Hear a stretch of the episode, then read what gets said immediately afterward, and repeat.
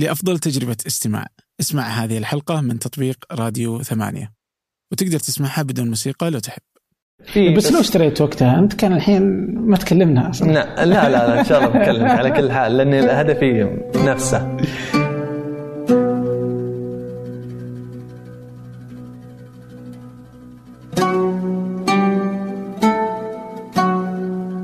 أهلا. كل يوم أحد. ضيف معي أنا عبد الرحمن أبو مالح. في بودكاست فنجان. مع الكثير من التجارب الغريبة خلاصة السنوات القصص التحديات والتساؤلات والإيمانات. طبعا ستكون مع أحد منا وفينا. قبل أن نبدأ أود الإشارة إلى أن تقييمكم للبودكاست على آيتونز يوسع دائرة المستفيدين فلا تنسوا ذلك. كذلك اقترحوا ضيوفا أو أرسلوا أفكارا على تبس ثمانية دوت كوم حيث أقرأها جميعا شخصيا. حياة عبد الله من الدلم إلى أمريكا مباشرة. عبد الله بين البرمجة والتعلم الذاتي والتنمر والصدمة الثقافية كل ذلك في المدة التي قضاها هناك من 2002 سنة بعد أحداث الحادي عشر من سبتمبر. كيف كانت التجربة؟ وكيف صنعت عبد الله الذي نسمعه اليوم؟ أه طبعا كانت صدمة. أه أنا كنت أه في مدينة صغيرة أيضا في الدلم. ما كنت في الرياض. ومن الدلم رحت لأمريكا مباشرة. مدينة وسط بنسلفانيا آه، اسمها ستيت كولج مدينة جامعية. كنت فيها طول الفترة. والوالد كان مبتعث هناك بيدرس آه، دكتوراه. فرحنا كأهل كلنا سوا وكانت آه، عندي صعبة. ما تتكلم إنجليزي. ما أتكلم إنجليزي. كنت يعني هواية إني أحب أتعلم إنجليزي. أشوف آه، ألعاب أفلام أحاول أفهم المجلات والكتب. آه، بس وقتها فعلا جتني صدمة. صدمة يعني في الحياة الاجتماعية في المدرسة.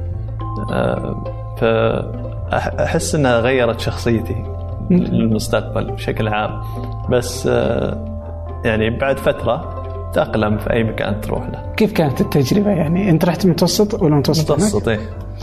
كيف كانت؟ يعني يعني سمعة المدارس الأمريكية بالنسبة لنا إيه؟ كذا عرفت التنمر بالينج كذا. فما بالك أنت سعودي أصلا؟ ورايح هناك يعني إيش إيش صار؟ يعني طبعا صارت أي أي شخص سعودي أو عربي بعد أحداث سبتمبر آه، يعني من 2002 إلى يمكن 2009 آه، أكيد جاه آه، يعني كلمات عنصرية أو يعني حدث هنا وهناك. مرة كنت في الثانوي وجامعة جامعة Penn State تطلب مثل الاختبار ال SAT مثل اختبار القدرات تقدر تقول هنا. فكنت داخل دورة يدرسها أحد المدرسين آه، في هذا الاختبار ال SAT تدريب. آه، فالمدرس سأل كل الأشخاص اسمك من من وين؟ آه، وقلت له من السعودية. فقال وهو يمزح. قال آه okay لا تكون إرهابي بس. قلت أوكي. أنا مرة موقف حرج آه، بس ولا أحد من الطلاب ضحك. واللي صار بعد يومين آه، جاني الأستاذ وقال لي تعال المكتب واعتذر لي. وقال إن الاداره المدرسة عرفوا عن هذا الشيء. وخبروني. و... وأنا ما كنت متوقع إنك بتروح تشتكي. وأنا ما اشتكيت. فأحد الطلاب اللي كان معي في الدورة راح يشتكى عني. أها. يدافع عني يعني. أمريكي. أمريكي. متى بدأت حياتك مع البرمجة مع مع الكمبيوتر يعني أو الحاسب يعني؟ في في الثانوي آه كل الطلاب لازم يأخذون لغة ثانية. غير لغة الإنجليزي. فالطلاب يأخذون إسباني ألماني آه فرنسي واي بعض الأحيان لغات أخرى. آه، أنا ما كان كانوا عارفين إني إنجليزي هي لغتي الثانية. العربية ف... والعربي الأولى. فقالوا ما ما تحتاج انت تأخذ لغة. تقدر تأخذ مواد مختلفة. فالنظام آه، الثانوي عندنا كان تختار مواد. تختار آه، عندك مواد أساسية وزي نظام الجامعة تختار بعض المواد اللي تبغى تتعلم فيها. نعم. فأنا أخذت كل المواد اللي لها علاقة بالكمبيوتر. okay. فمنها التصوير وإنتاج فيديو منها ال Photoshop وتصميم ال 2D منها ال AutoCAD و3ds Max هذا كله في الثانوي؟ كله في الثانوي. ومنها ال keyboarding typing web development كل شيء له فيه. إذا المادة فيها كمبيوتر أخذتها. وما طلبوا مني أخذ بعض المواد زي الإنجليزي أو الفرنسي واللغات الثانية. وفي تمكنت إني أعلم نفسي الأشياء كثير. البرمجة بشكل عام آه، معظم التعليم فيه ذاتي. حتى إذا درست برمجة في الجامعة إذا ما حاولت بنفسك إنك تطور مهاراتك الزمن في التقنية يتغير لدرجة إن إذا تخرجت التقنية اللي أو اللغة أو البرمجة اللي تستخدمها آه، تتغير. فأنت لازم تعلم نفسك ذاتيا. بس آه، الفكرة انك تتعلم الأساس بس في المناهج ومن بعدها تقدر تطور نفسك. آه، حب الحاسب من كذا من قبل ولا من قبل هذه فرصة كشفت لك لا مع حبك له. لا في التسعينات شفت حاسب ومن وقتها كنت أبغى حاسب. أوكي. يعني شفت أحد يطبع شيء ويطبع ورقة وقلت هذا الجهاز لازم يكون في يدي.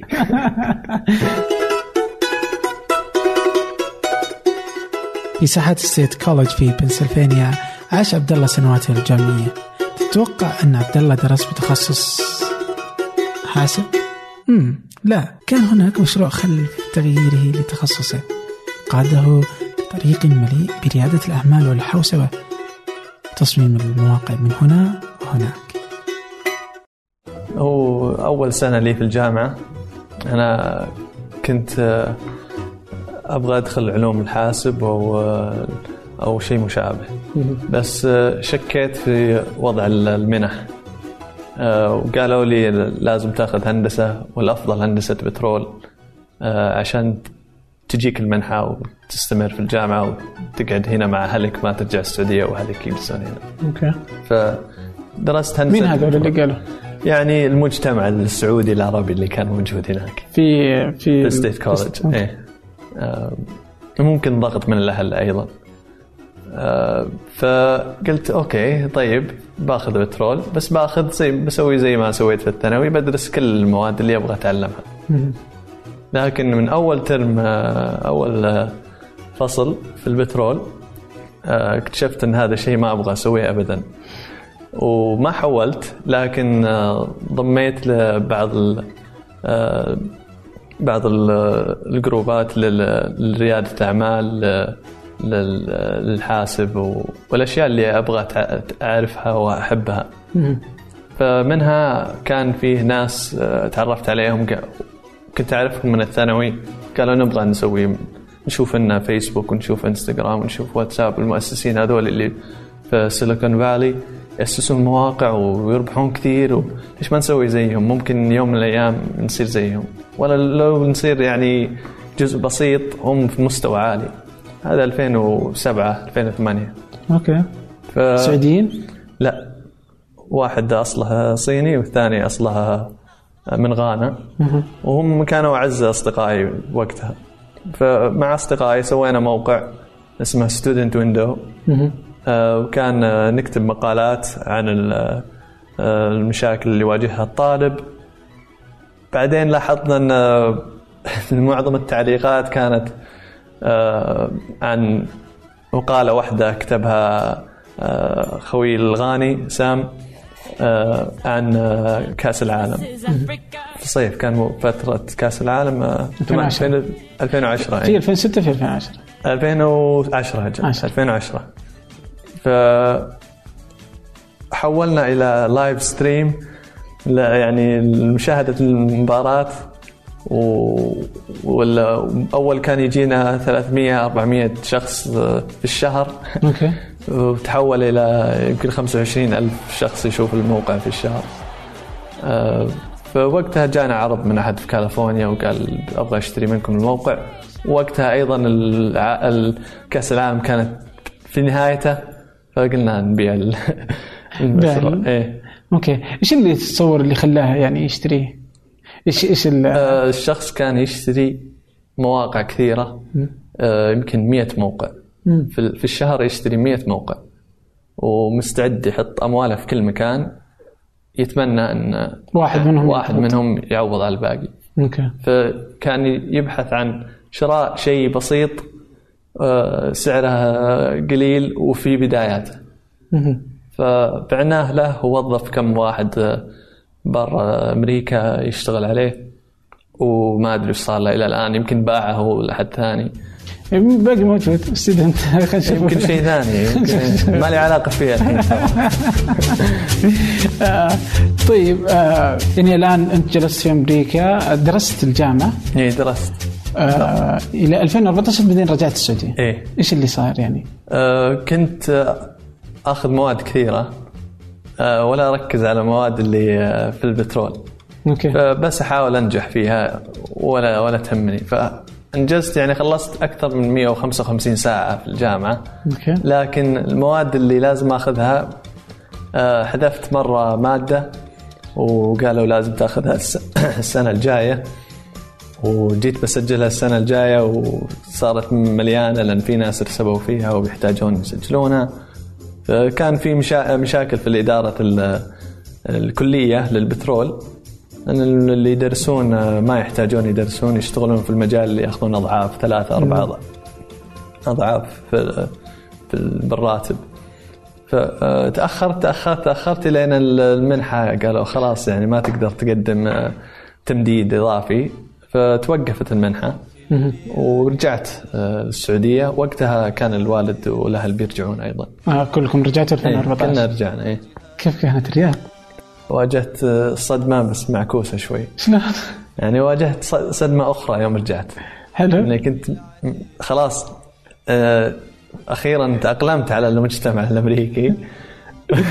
رجعت وبديت أعيد نفس الصدمة بس آه، أنت قاعد في أمريكا 13 سنة؟ إيه، يمكن 13 13 سنة. رجعت هنا وكم كان عمرك 2014 آه، 24 24. بس لازم أحسب شوي. طيب 24 جيت الرياض آه يعني كيف كيف وجدتها؟ 2014 كانت كذا في يعني أتصور يعني تغيرات كثيره اي تغيرات. يعني بدأت كذا اللي آه تغيرات آه برتم متسارع جدا يعني. إيه. آه وبالذات إذا أنت باعد عن المجتمع فترة طويلة ورجعت تحس التغيرات آه، أضخم إيه فعلا طيب كيف كيف وجدتها يوم جيت انصدمت آه كيف قدرت تتأقلم مع الناس جلست في البيت إيش إيش سويت يعني؟ إيه معظم الوقت جالس على البيت على الكمبيوتر أبحث عن ناس على الإنترنت عندهم نفس المبادرات والأفكار اللي عندي. وفي العالم العربي بشكل عام آه، ما كنت يعني اجتماعي جدا ما حتى في أمريكا ما كنت اجتماعي آه، فما كان همي إني أتعرف على ناس ولا أجلس. في معظم الوقت فعلا في البيت ولا أحاول أسوي موقع ولا أسوي مشروع هنا وهنا. أوكي. طيب 2014 أنت آه، مع وجودك في البرمجة كان لك اهتمام أكيد إيه. وأنت و... التقنيه قبل. السعوديه حتى. إيه. في في تقنية البلوك تشين وفي البيتكوين. لا التقن... في البيتكوين كفكرة.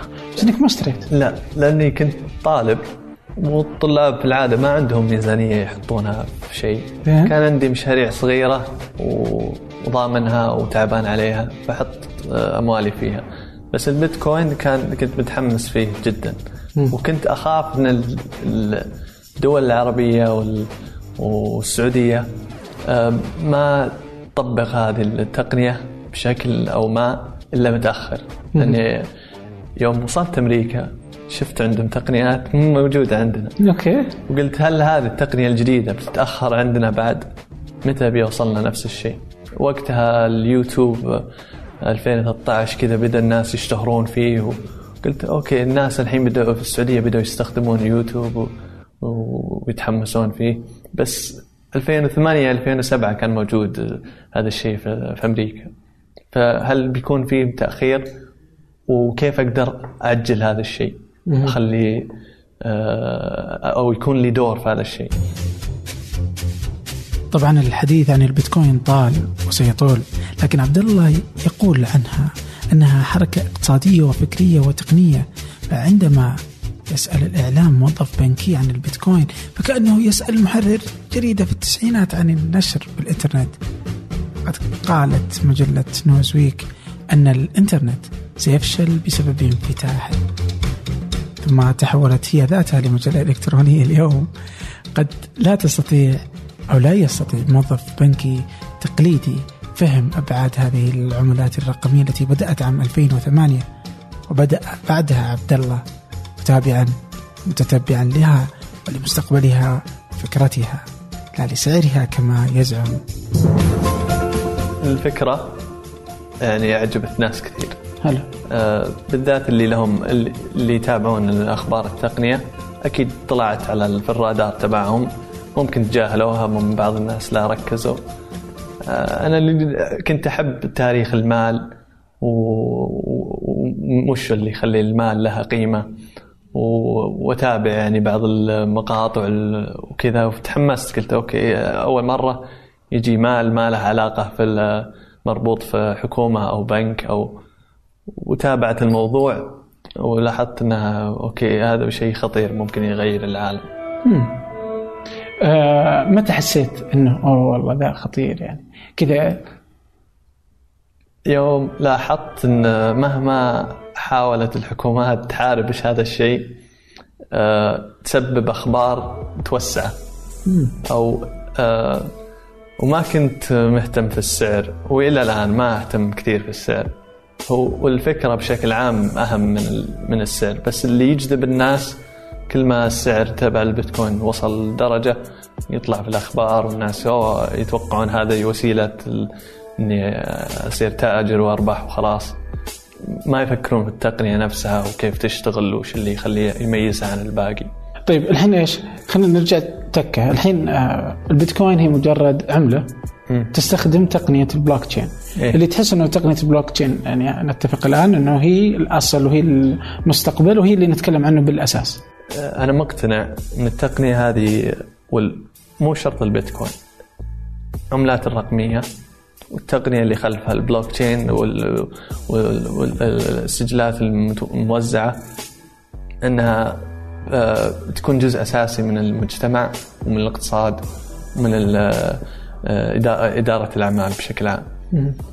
وأتوقع إن الآن في فت يعني فترة كلها تجارب وحماس وممكن يعني زايد هذا الحماس زي ما كان الحماس على الانترنت أو أي تقنية جديدة بشكل عام. آه، وفيه آه، يعني انتقاد آه، على التقنية ممكن شبه محله يعني. إن إن ممكن البلوك تشين ما يوفر حلول واقعية أو إن الحلول اللي يوفرها ما لها استخدام عام. لكن هذه البداية إلى الآن انه في وضع بداية. من أحد أول المنتديات للبيتكوين اسمها bitcointalk dot org أوكي. كتبت آه آه post البيتكوين في العالم العربي آه السعودية الإمارات آه إلى آخره. بالعربي والإنجليزي. قلت أي أحد يقرأ المواضيع هذه أو يفهم فيها أو آه واضح إنه قليل اللي بشكل عام. اللي يفهمون في التقنية أو متحمسين على هذا الشيء آه، يتواصل معي. وشفت كم شخص آه، منهم آه، أحد تواصلت معه عبر فيسبوك بعدين زرته في هولندا بعدين أسسنا شركة مع بعض 2016 بس وقتها لا ما اشتريت. يمكن اشتريت واحد أول بيتكوين ب 42 دولار. أوكي. كنت أعتبره غالي جدا. ليش أحط 42 دولار في, شيء وهمي شيء ما فيه أي استقبال؟ وقتها ما حد يتحمس. ما, ما في مكان طيب فيها؟ ما كان في منصات حتى تتداول فيها. فيقول لك الواحد الآن يقولون الناس لو اشتريت بيتكوين وقت كذا وفي هذا الوقت أنت مليون ملياردير. بس الوقت يعني هذا الكلام سهل إنك تقولها الآن. إيه؟ بس وقتها فعلا يعني كان صعب إنك تشتري بيتكوين. لازم تشتريه من أشخاص انتجوه بأجهزتهم. آه لازم تتعامل معهم عبر منتديات هم ممكن يكونوا مجهولين ما تدري كيف تتعامل معهم. ما كان في أي منصة أو أي موقع.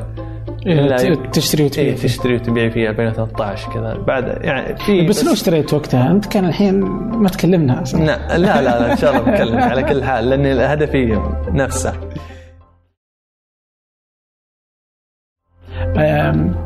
جميل طيب الحين لو أي أي شركة مثلا في السعودية آه، أو في أي مكان حتى كيف ممكن يستفيد من إنشاء شركة آه، وعملة خاصة فيه يخلي الناس تقدر تستفيد منها آه، بشكل أو بآخر؟ اولا إذا طرحت عملة خاصة بشركتك بيتداولون الناس بالعملة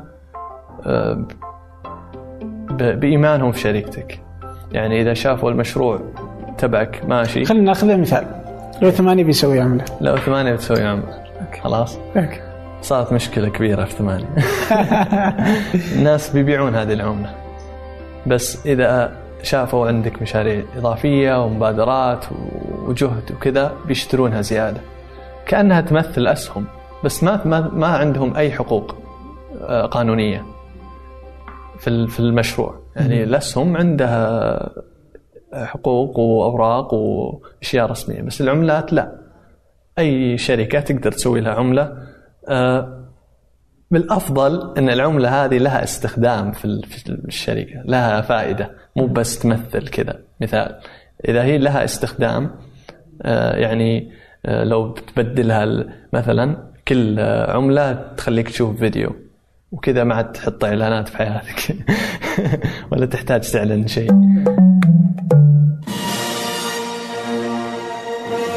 ماذا عن الحكومات أو عن السعودية؟ ماذا لو كان هناك كما هو بيتكوين؟ هناك بت ريال. كيف يرى عبد الله مستقبل العملات الورقية في ظل وجود الحكومات؟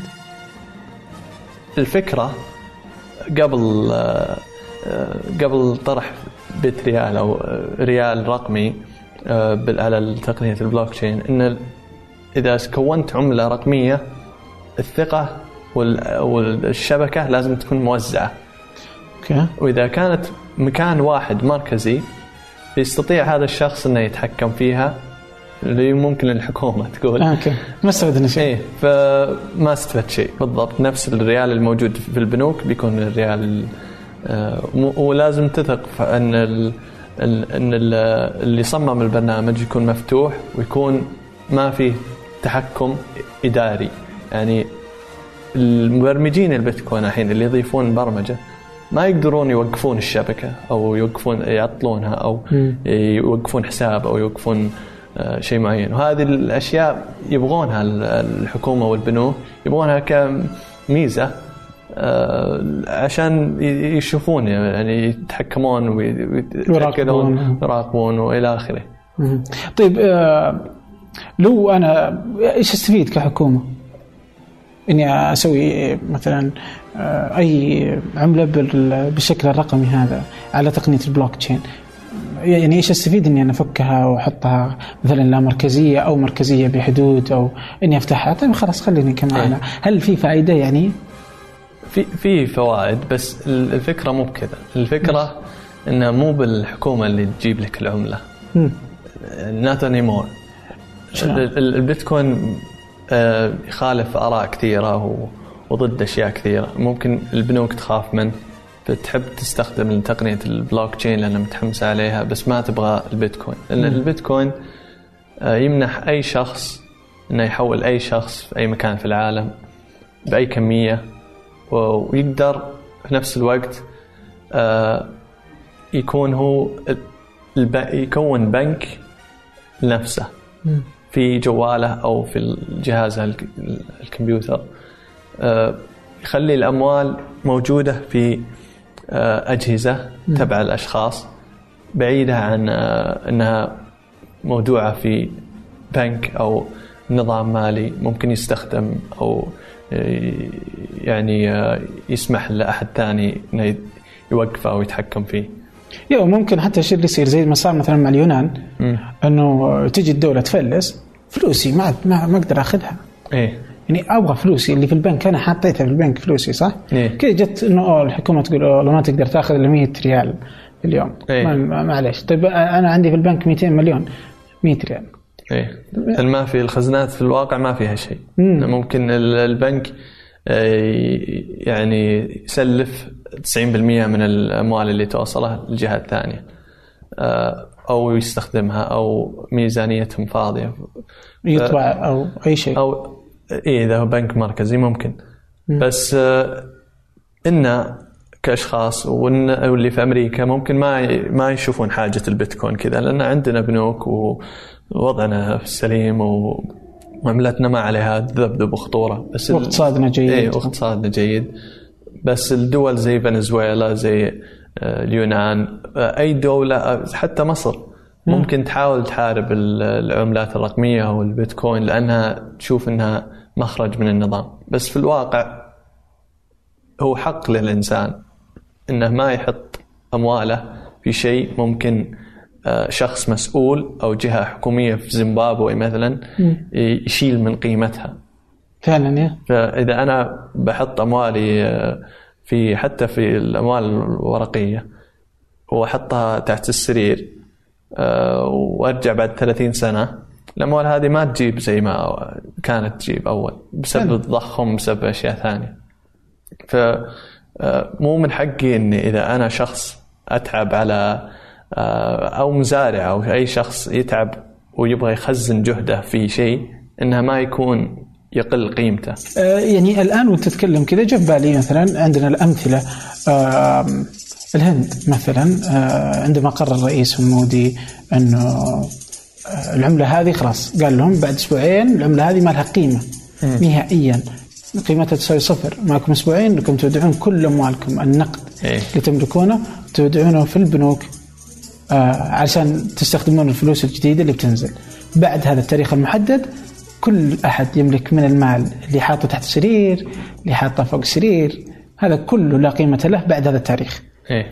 وبذا وبهذا صارت كثير من المشاكل. يعني في اللي كانت مثلا واحدة في غيبوبة قامت من غيبوبة لقت فلوسها ما لها قيمة لأنها ما راحت اودعتها وطبعا كانت بحسن نية مثلا إنه كان يبغى يقضي على الفساد يبغى إيه. يعرف برضه حركة الفلوس كلها يعني ويأخذ الضرائب اللي ويبغى الضرائب اللي ما كانت تدفع. إيه. لأنه كان الظاهر 90% ما يدفع الضرائب. ف فكثير من فمثل هذه لاحظ إيش ممكن يسوي. يعني قرار آه، رئيس كيف غير يعني فلوسي اللي أنا مثلا مزارع جالس أجمعها 20 سنة تنهيها لي يوم. آه ممكن آه الدولار. كم مرة نسمع إنه مثلا أمريكا بتفلس لو ما مثلا تدينت مثلا. إيه؟ إنه بتقول أوه خلاص يعني صارت مرتين على عهد أوباما ومرة إيه؟ ظهر في ترامب. آه يعني كذا اللي تخيل اللي فلوسي فجأة تروح. تخيل يعني هذا كله يعتمد على أي لحظة. إيه؟ آه هذا هل ينطبق برضو على البيتكوين يعني؟ إنه تحس إنه أوه طيب هي نفس الشيء اللي تعتمد على ثقة الناس. نعم. بس في نفس الوقت ممكن اليوم أنا شاريها ب 13000 تصير بكرة بريالين. فراحت فلوسي راحت فلوسي. ممكن. مو بزي الذهب أنا ما أقول اي أي شخص يشتري بيتكوين ما أقول إنه بيربح. ممكن يخسر كثير. بس هذا مدى ثقته في في التقنية وفي استخدامها. الفكرة إنك آه، تستبدل تقدر تستخدم البيتكوين كأنه ذهب إلكتروني. إن ذهب محدود وصعب إنتاجه وهذا اللي يعطيه ميزة إنه له قيمة. لكنها مشكلة الذهب انها نقلة وتقسيمة وما تقدر تستخدمه على الإنترنت. فهنا يجيك البيتكوين إنه شيء آه لإنتاجه يطلب جهد عالي جهد يكلف. جهد ياخذ وقت وتكلفة اللي هي بالأجهزة التعدين وكذا آه وهذا الجهد هو اللي يكون القيمة والقيمة آه، محدودة فالناس يؤمنون فيها لاستخدامها وعلى ذلك العملات الرقمية تعتمد على الثقة نعم. تثق بأن هناك مستخدمين حقيقيين لهذه العملة وأن هذه العملة إيه. قابلة للتبادل وأقدر آخذ منك شيء وأقدر اعطي تعطيني شيء. آه الحين كيف يعني إذا ما آمن فيها الكثير اليوم ربما المستقبل كفيل بأنه يغير كثير من الموازين، كيف تشوف كذا؟ كذا 2050 عادي يعني. كيف تشوف كذا الحياة؟ والله صعب تتصور لكن أتوقع معظم العملات اللي موجودة اليوم تختفي يمكن خلال السنتين الجاية. سنتين ثلاث سنين. العملات ال- العملات الرقمية ال- إيه. لا مو قصدي هذه النقطة الثانية إني ما أتوقع إن العملات التقليدية تختفي. آه، في ناس كثير في المجال يقول العملات التقليدية بتختفي تماما وبتجي العملات الرقمية تبدلها تماما أو العملات المشفرة. بس ما أشوف آه، ما أشوف انه شيء واقعي. يمكن في 20 50 آه، نشوف الناس تستخدم آه، تتفاعل وتتعامل مع أجهزة فيها آه، أموال يعني سيارات أو آه، زي نظام الجهاز ال- البيبسي اللي تحط فيه ريال ويطلع لك بيكون فيه أجهزة زي كذا تقدم خدمات ثانية. وهذا الجهاز بذاته يكون مشروع و business مم. مم- ممكن الجهاز نفسه يملك نفسه. ممكن الجهاز يوظف أجهزة أخرى يستأجر سيرفرات في cloud ويوزع نفسه ويسوي أشياء مختلفة ويوظف حتى بشر. شلون ممكن الآلة توظف بشر وتوظف نفسها وتبيع نفسها؟ شلون؟ يفترض أن في جهاز. وحط الذكاء الاصطناعي معاها يعني يلا إيه،؟ هو هو هذا الفكرة مبنية على أن الذكاء الصناعي بالعملات الرقمية يقدر الجهاز آه، له تفكيره يقدر يتعامل الآن. مو مو بلازم يأسس حساب بنكي. الحساب بنكي بيقول لك عطني هوية هو مو بشر. بس إذا هو يتعامل بالعملات الرقمية العملات الرقمية حرة تماما. ويقدر يشتري ويبيع ويستأجر ويدفع رواتب يتعامل. هذه الآلة. هذه الآلة. أوكي. ممكن تكون في كمبيوتر أصلا ما لا ما لها وجود يعني فيزيائي. مم. بس نفس فكرة الجهاز البيبسي إذا حطيت فيه آه، ريال يعطيك ينفذ عملية بيبسي. بما أنه استقبل مال. إذا هو يقدر يثبت أنه استقبل مبلغ آه، رقمي بالعملات الرقمية ويقدر يشوف الشبكة أن هذه عملية حقيقية ما ما تسترجع ولا آه، تلتغي.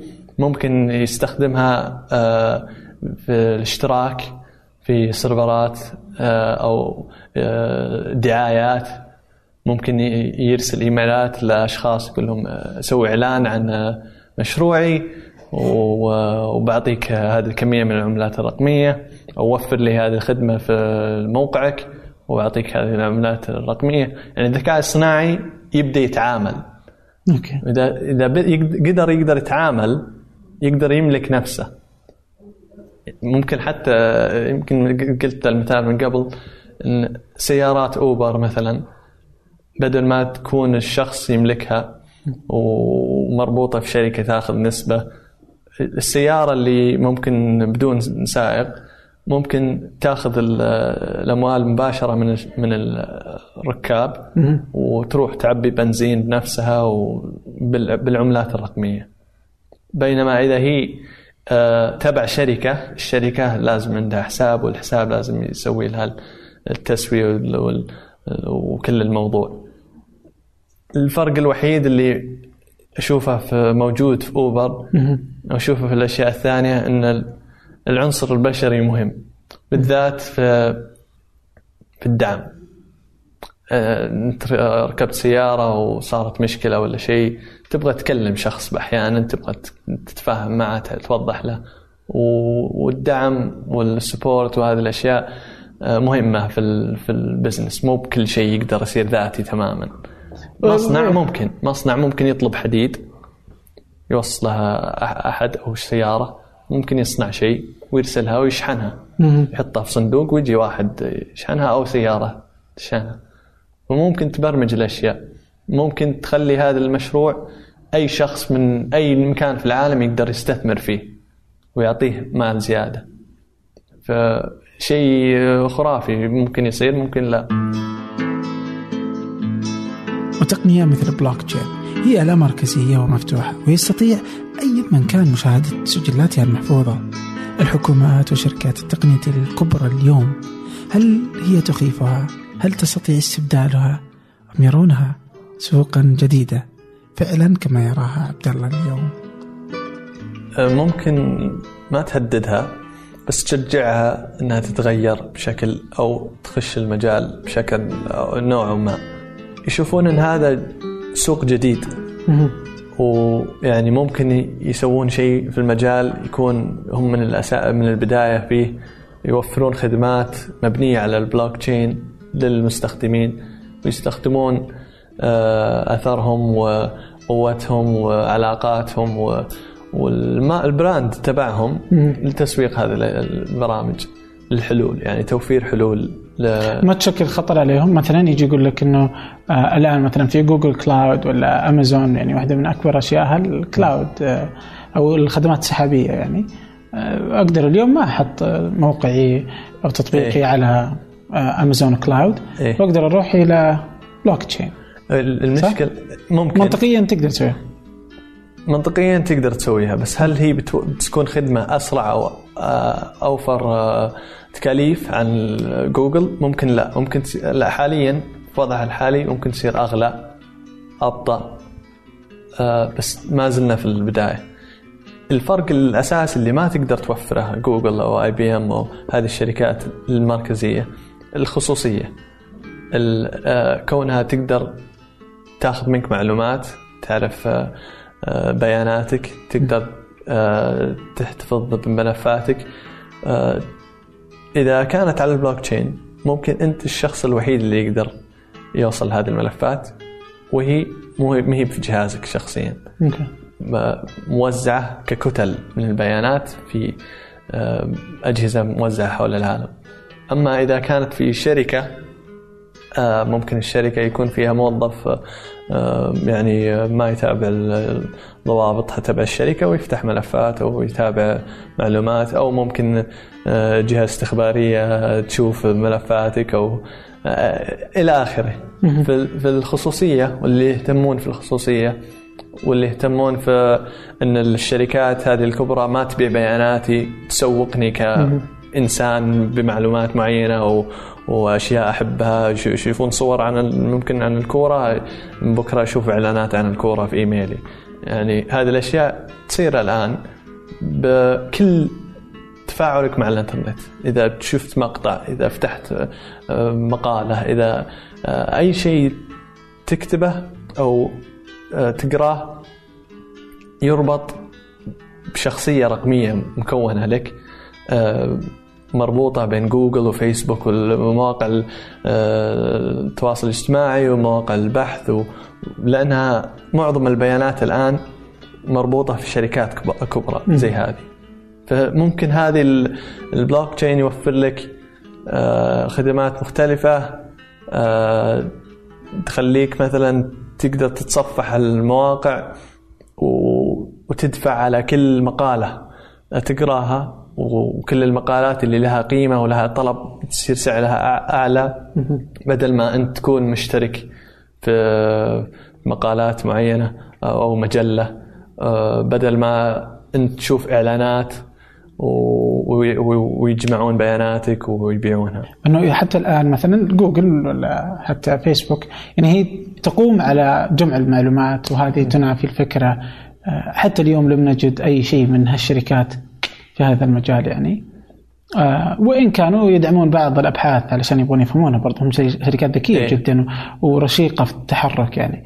لكن تشوف انه مع أو ضد الوجود حقهم يعني.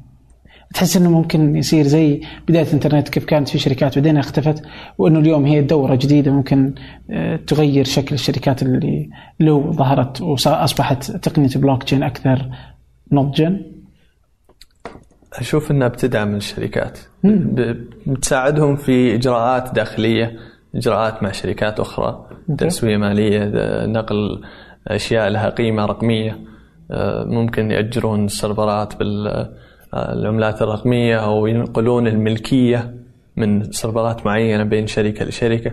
وأتوقع الكثير بيستفيد منها من التقنية. بس آه، كونها بتجي بتستبدل شيء تماما ما أشوفها حاليا. ماذا لو ماذا لو حدث زلزال يوما ما لمدينتك أو حربا أو أي كارثة؟ إيش مع ذلك الكوارث التي يقوم بها الإنسان؟ فبضغطة زر تستطيع حكومة أيا كانت أن تفقدك هويتك تصبح بدونها. ماذا لو كان هناك تقنية تحاول من خلال تقنية البلوك تشين أن تحقق فكرة هوية الإنسان على الإنترنت يثق فيها الكل ويستخدمها الكل. بدأ عبد الله شركة تايكن ليحقق ذلك. فكيف بدأ وما هي المشاكل التي تواجههم اليوم؟ كيف ممكن تقنية كهذا تفيد اللاجئين كسوريا مثلا؟ فيه 250 مليون طفل تحت عمر خمس سنين. ما عنده شهادة ميلاد. من اللي ما عندهم شهادات الميلاد أو ضايعة شهادة ميلاد أو بتضيع منهم وثائقهم ما يقدرون يثبتون هويتهم وشخصيتهم ولا يقدرون آه، ياخذون أي تعليم أو آه، خدمات صحية أو أي أشياء من الحكومة. إذا الحكومة ما تقدر تعترف أو تثبت منهم ولا مستحقات ولا شيء. يمكن نص الأطفال في أفريقيا جزء كبير من اللي في المخيمات اللاجئين السوريين. الفكرة إن بهذه التقنية باللامركزيه وبكون انه نقدر نسوي سجل آه، موزع آه، غير قابل للعبث فيه تقدر تثبت أشخاص آه، بهويتهم. طبعا في مشاكل في الهوية الرقمية بشكل عام فيها مشاكل كثيرة إن هل لازم تكون في صورة الصورة تتغير هل لازم تاخذ دي إن اي ولا تاخذ شيء فيزيائي من الشخص. بس المشكلة هي اللي دفعتنا إن نحاول في هذا الشيء. هذه الأشياء أشوف إنها من حق الإنسان إنها تكون غير قابلة للعبث وغير قابلة لانها تختفي. ممكن تختفي في مكان آه، في حالة يعني نادرة في حرب أو شيء أو زلزال أو مشكلة. لكن المفروض بالتقنية إذا نقدر نخليها مستحيل تختفي. نخليها آه، ما في آه، ما في حتى فرصة أن هذا الشيء يختفي إن إن هويتي أو سجلي أو مكاني في ال في ال في, ال في السجلات العامة إنه يختفي. وأنا مؤمن إن في backup عندنا وكذا. آه، وفي شيء اسمه disaster recovery الحين إذا جاء زلزال ولا شيء في سيرفرات ثانية فيها backup تسترجع. مو مشكلة. بس المشكلة إذا أنت في دولة آه، إذا شافتك مثلا مشارك في مظاهرات في شيء معين أو تكلمت أرسلت تويته بالغلط عن شيء موضوع معين أو واحد ماخذ هويتك تقدر تزر تخليك أنت لا شخص مو بشخص. أنت أنت ما حد. فعلا. وهذا هذا المشكلة. يعني ممكن تصير في سوريا ممكن تصير في فنزويلا وأرجنتينا وتصير. في الأصول أيضا تصير. إنها شلون؟ في هندورس مثلا آه عندهم دكتاتور آه، جاءوا القرية آه، جاء ولد عمه أو أحد أقاربه وقال هذه الأراضي كلها لي. وقال وضحوا أن عندهم أصول قديمة ورقية. قال لا والله السجلات عندنا في الحكومة موجودة أن هذه الأراضي لي. فكذا ال absolute power خطيرة في الأماكن اللي اللي فيها تغيرات وفيها حروب وفيها الشخص ما عاد يقدر يثق في شيء ولا يقدر يحمي نفسه. إذا ما عنده أرض آه، والأرض هي مزرعته ولا أصل دخله وعائلته طول حياته يضيع كل شيء يضيع كل حقه. واذا ما عنده هوية أعظم وأعظم. ما يقدر يطالب بأي شيء أصلا إنه هو مو بإنسان. يعني إنسان مختفي من الواقع إذا مو موجود.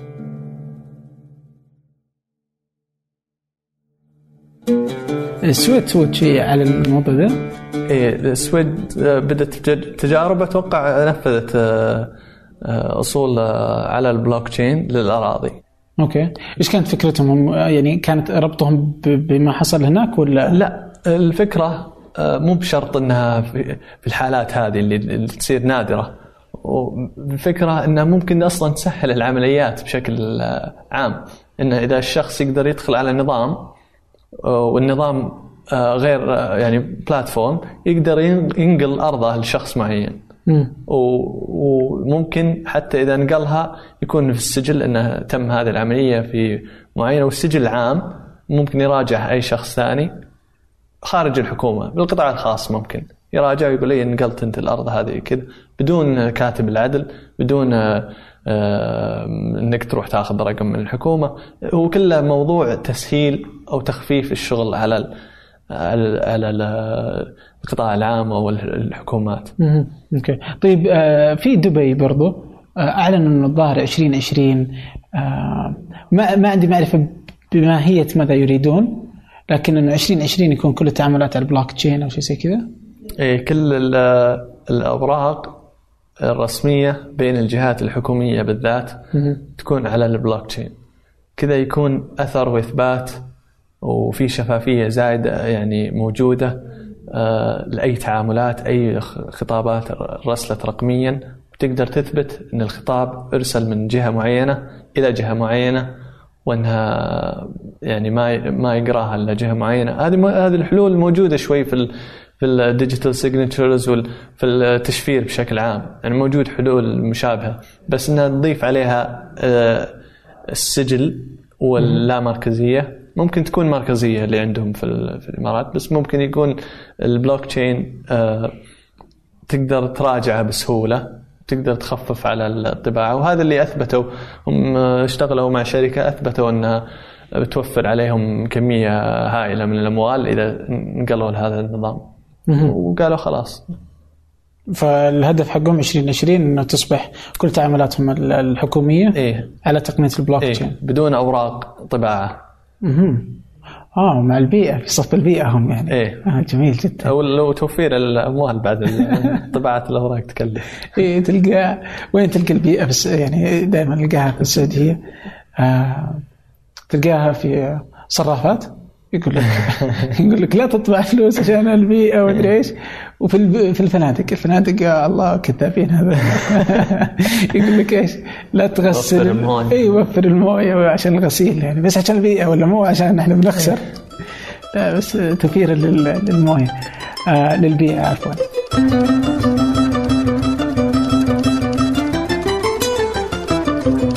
بعد 2014 وفوز تاكن بعدة جوائز ودخولها في أكثر من مرحلة أين هي الآن؟ كيف تطورت؟ وهل هناك اعتراف من الجهات الحكومية أو الشركات التعاون معهم؟ مسابقة آه، كانت آه، اسمها Startup Weekend المسابقة أي واحد يقدر يشارك فيها بفكرة يطرحها ب 60 ثانية بعد طرح الفكرة تتأهل إذا تأهلت يحق لك تشتغل على المشروع مدة ثلاث أيام. مكاتب مشتركة. بعد الثلاث أيام تطرح الفكرة بخمس دقائق. ل... عندك حكام من شركات معروفة وفي جمهور. حلو. فتأهلنا من يمكن 150 شخص طرح ال 60 ثانية هذه. بعدين من ال 20 آه، حصلنا الحمد لله على المركز الأول. ما شاء الله.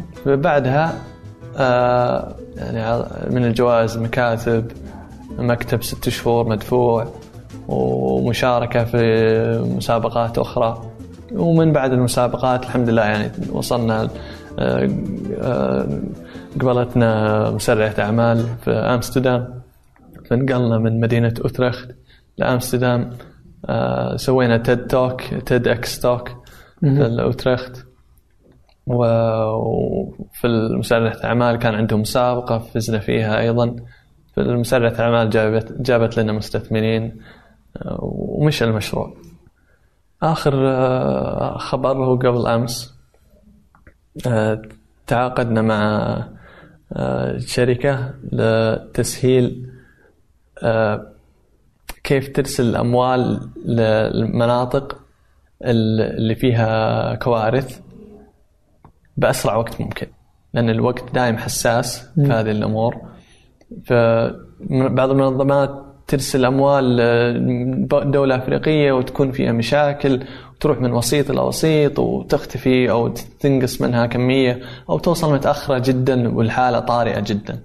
نبغى نستخدم العملات الرقمية في تسوية الموضوع بشكل سريع وإثبات وتتبع آه، كل شخص يستلم المبلغ وعلى طريقة. وإلى إلى ما تصل للمستفيد. للمستفيد. هل أنا الحين أنا الحين لاجئ سوري؟ إيه. في سوريا أقدر أستفيد أي شيء من تايكن؟ ما تقدر تستفيد إذا النظام ما يعترف أو يقدر آه، يقول إن النظام هذا معترف فيه. فلو ح... مثلا إذا نحتاج هذه مشكلة كبيرة نحتاج اعتماد أو موافقة آه، جهة معينة انها هذه التقنية تثبت فعلا. أو ممكن ما يقبلونها. يعني إذا عندك وثيقة على البلوك تشين تقدر تثبت متى أصدرت okay بالتقنية في شيء اسمه time stamping إنها سجلت في وقت معين على البلوك تشين في هذا الوقت تقدر تثبت بالشبكة إنها فعلا كانت هذه الوثيقة موجودة في وقت معين. مثلا أول ما أصدرت. آه، ممكن تقدر تقنع الحكومة آه، ان فعلا هذه الأرض حق لك. بس في الواقع في وضع سوريا الآن ما تقدر آه، تثبت ولا فيه وعي عن التقنية وما زلنا في بدايات لها يعني بنستمر وباقي معارك كثيرة عشان نوصل هذه الدرجة. من أمثلة تقنية البلوك تشين الأخرى أن هناك عقودا ذكية. شلون؟ ذكية؟ وما هي عملة الإثيريوم التي تعد منصة أكثر من كونها عملة؟ وتستطيع برمجة الأموال فيها. العقود الذكية تمنحك إنك تقدر تبرمج الأموال تبرمج الحوالات. تحط برمجة موقعة بين الطرفين عقد على إتمام عملية بشروط إذا تم شيء معين أو إذا آه، وصلت البضاعة أو إذا آه، تم إصدار آه، رقم الشحنة أو إذا أرسلت لي الموقع أو أو أو البضاعة اللي اللي بتسويها. أو مثلا آه تكون آه دفع مستقبلي يعني تقدر أنفذ عملية وأحط إنها تتم يوم 30 آه، يناير أو شيء وبعد بعد 30 يناير تستلمها فعلا. حلو. وممكن تحط شروط في العقد. طبعا إذا لم تصل الشحنة لم كذا كيف ترجع الأموال؟ وهذه العقود آه، يعني معقدة شوي بس إنها تمنحك الطرفين يتفقون بدون جهة ثالثة آه، تجي وتحكم بينهم. لأن تقدر تنفذ عقد بين طرفين مهما كانوا في أنحاء العالم. بدون آه، المشاكل القانونية إن آه أنا لازم أروح دولته عشان أطالب حقي منه أو هو لازم يثق فيني تماما قبل ما أرسل له الشحنة. نربطها ببرمجة بعقد على البلوك تشين تبع إيثيريوم. و... ويتم عبر العملة نفسها الإيثر تبع الإيثيريوم طيب آه، بتصور مثال ممكن يصير إيش؟ نبغى أشتري مثلا شيء من الصين فاهم؟ فهو بيرسل لي الشحنه إيه؟ وبيجيبها لي إلى هنا فعاده يقول لك أوه حول لي الفلوس على البنك مدري إيه؟ الفلاني تقعد أصلا كم يوم أنا ما أدري إذا وصلت الفلوس هل هو بيسحب علي؟ إيه؟ عادي يمدي يختفي وتنتهي السالفة راحت فلوسي كيف ممكن تصير في الاثيريوم مثلا؟ أو بالعقود الذكية. إيه بالعقود الذكية. تربط يعني زي كذا. هذه الشحنة. إيه. نعطي المثال عليها. آه، يعني آه، سوي قناة تواصل بيني وبينك. نحط مبلغين أنت تحط مبلغ وأنا أحط مبلغ أو جهة واحدة تحط مبلغ. مم. والجهة الثانية آه، تحط توقيعها. أنها هي فعلا الجهة اللي بتتكلم معها تتعاقد معها. اللي هي هذه الجهة بتكون هي الشركة الصينيه إيه. آه كلنا عن طريق آه، المبلغ بالإثيريوم؟ بال- آه، بالإثيريوم أو ممكن حتى بعملات أخرى. okay بس الرقميه إيه.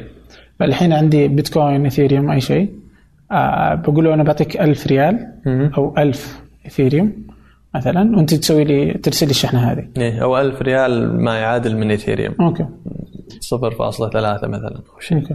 فالحين تتحول ويحط الشروط الآن هنا. إيه. في الكود.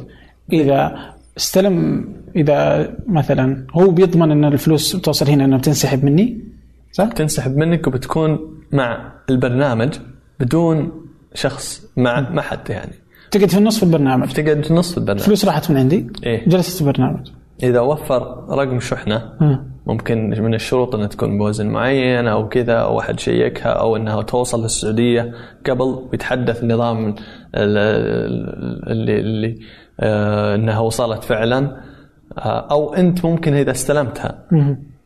تضغط أو من عندك إنك استلمت تحط معلومة إنك استلمت وينفذ العملية ال- فالنظام يحط يحول الفلوس منك إلى إيه يشيلها من الوسيط اللي هو النظام إلى الطرف الآخر. ممكن تحطون شروط أخرى على في حالة ال لو انها تقسيط مثلا. إيه, إيه أو بالضبط أو تخصم مني لو أني بشتري بيت وسيارة وكذا أو بعبر جسر. تخيل إن سيارتي عليها sticker وبمشي بجسر في عقد ذكي بين سيارتي والجسر دائما. شلون؟ بين السيارة والجسر فيه الكاميرا. زي سالك إيه. في دبي. أول ما أمر يخصم من كمية من رصيد الاثيريوم اللي في السيارة. وينتقل إلى الجسر. أوكي. بدون ما يكون أنا أوفر طريقة دفع معينة وأربطها في نظام نظام ممكن يستخدم شركة وسيطة عشان يقبل الدفع وياخذون نسبه منها إلى آخره. يكون تعامل مباشر. فتتخلص من الوسيط أصلا إيه بهذا الشكل تخلص من يعني. الوسيط طبعا ممكن حاليا لازم تحتاج وسيط. إذا الجسر يبغاها درهم أو ريال مم. فيحتاج يبيعها. فيتعامل مع شركة تستقبل له الاثيريوم مع عندهم عقد ذكي يرسل له ال- الريال مثلا بس في هذه الحالة لازم شخص ينفذ العملية أو شيء تقليدي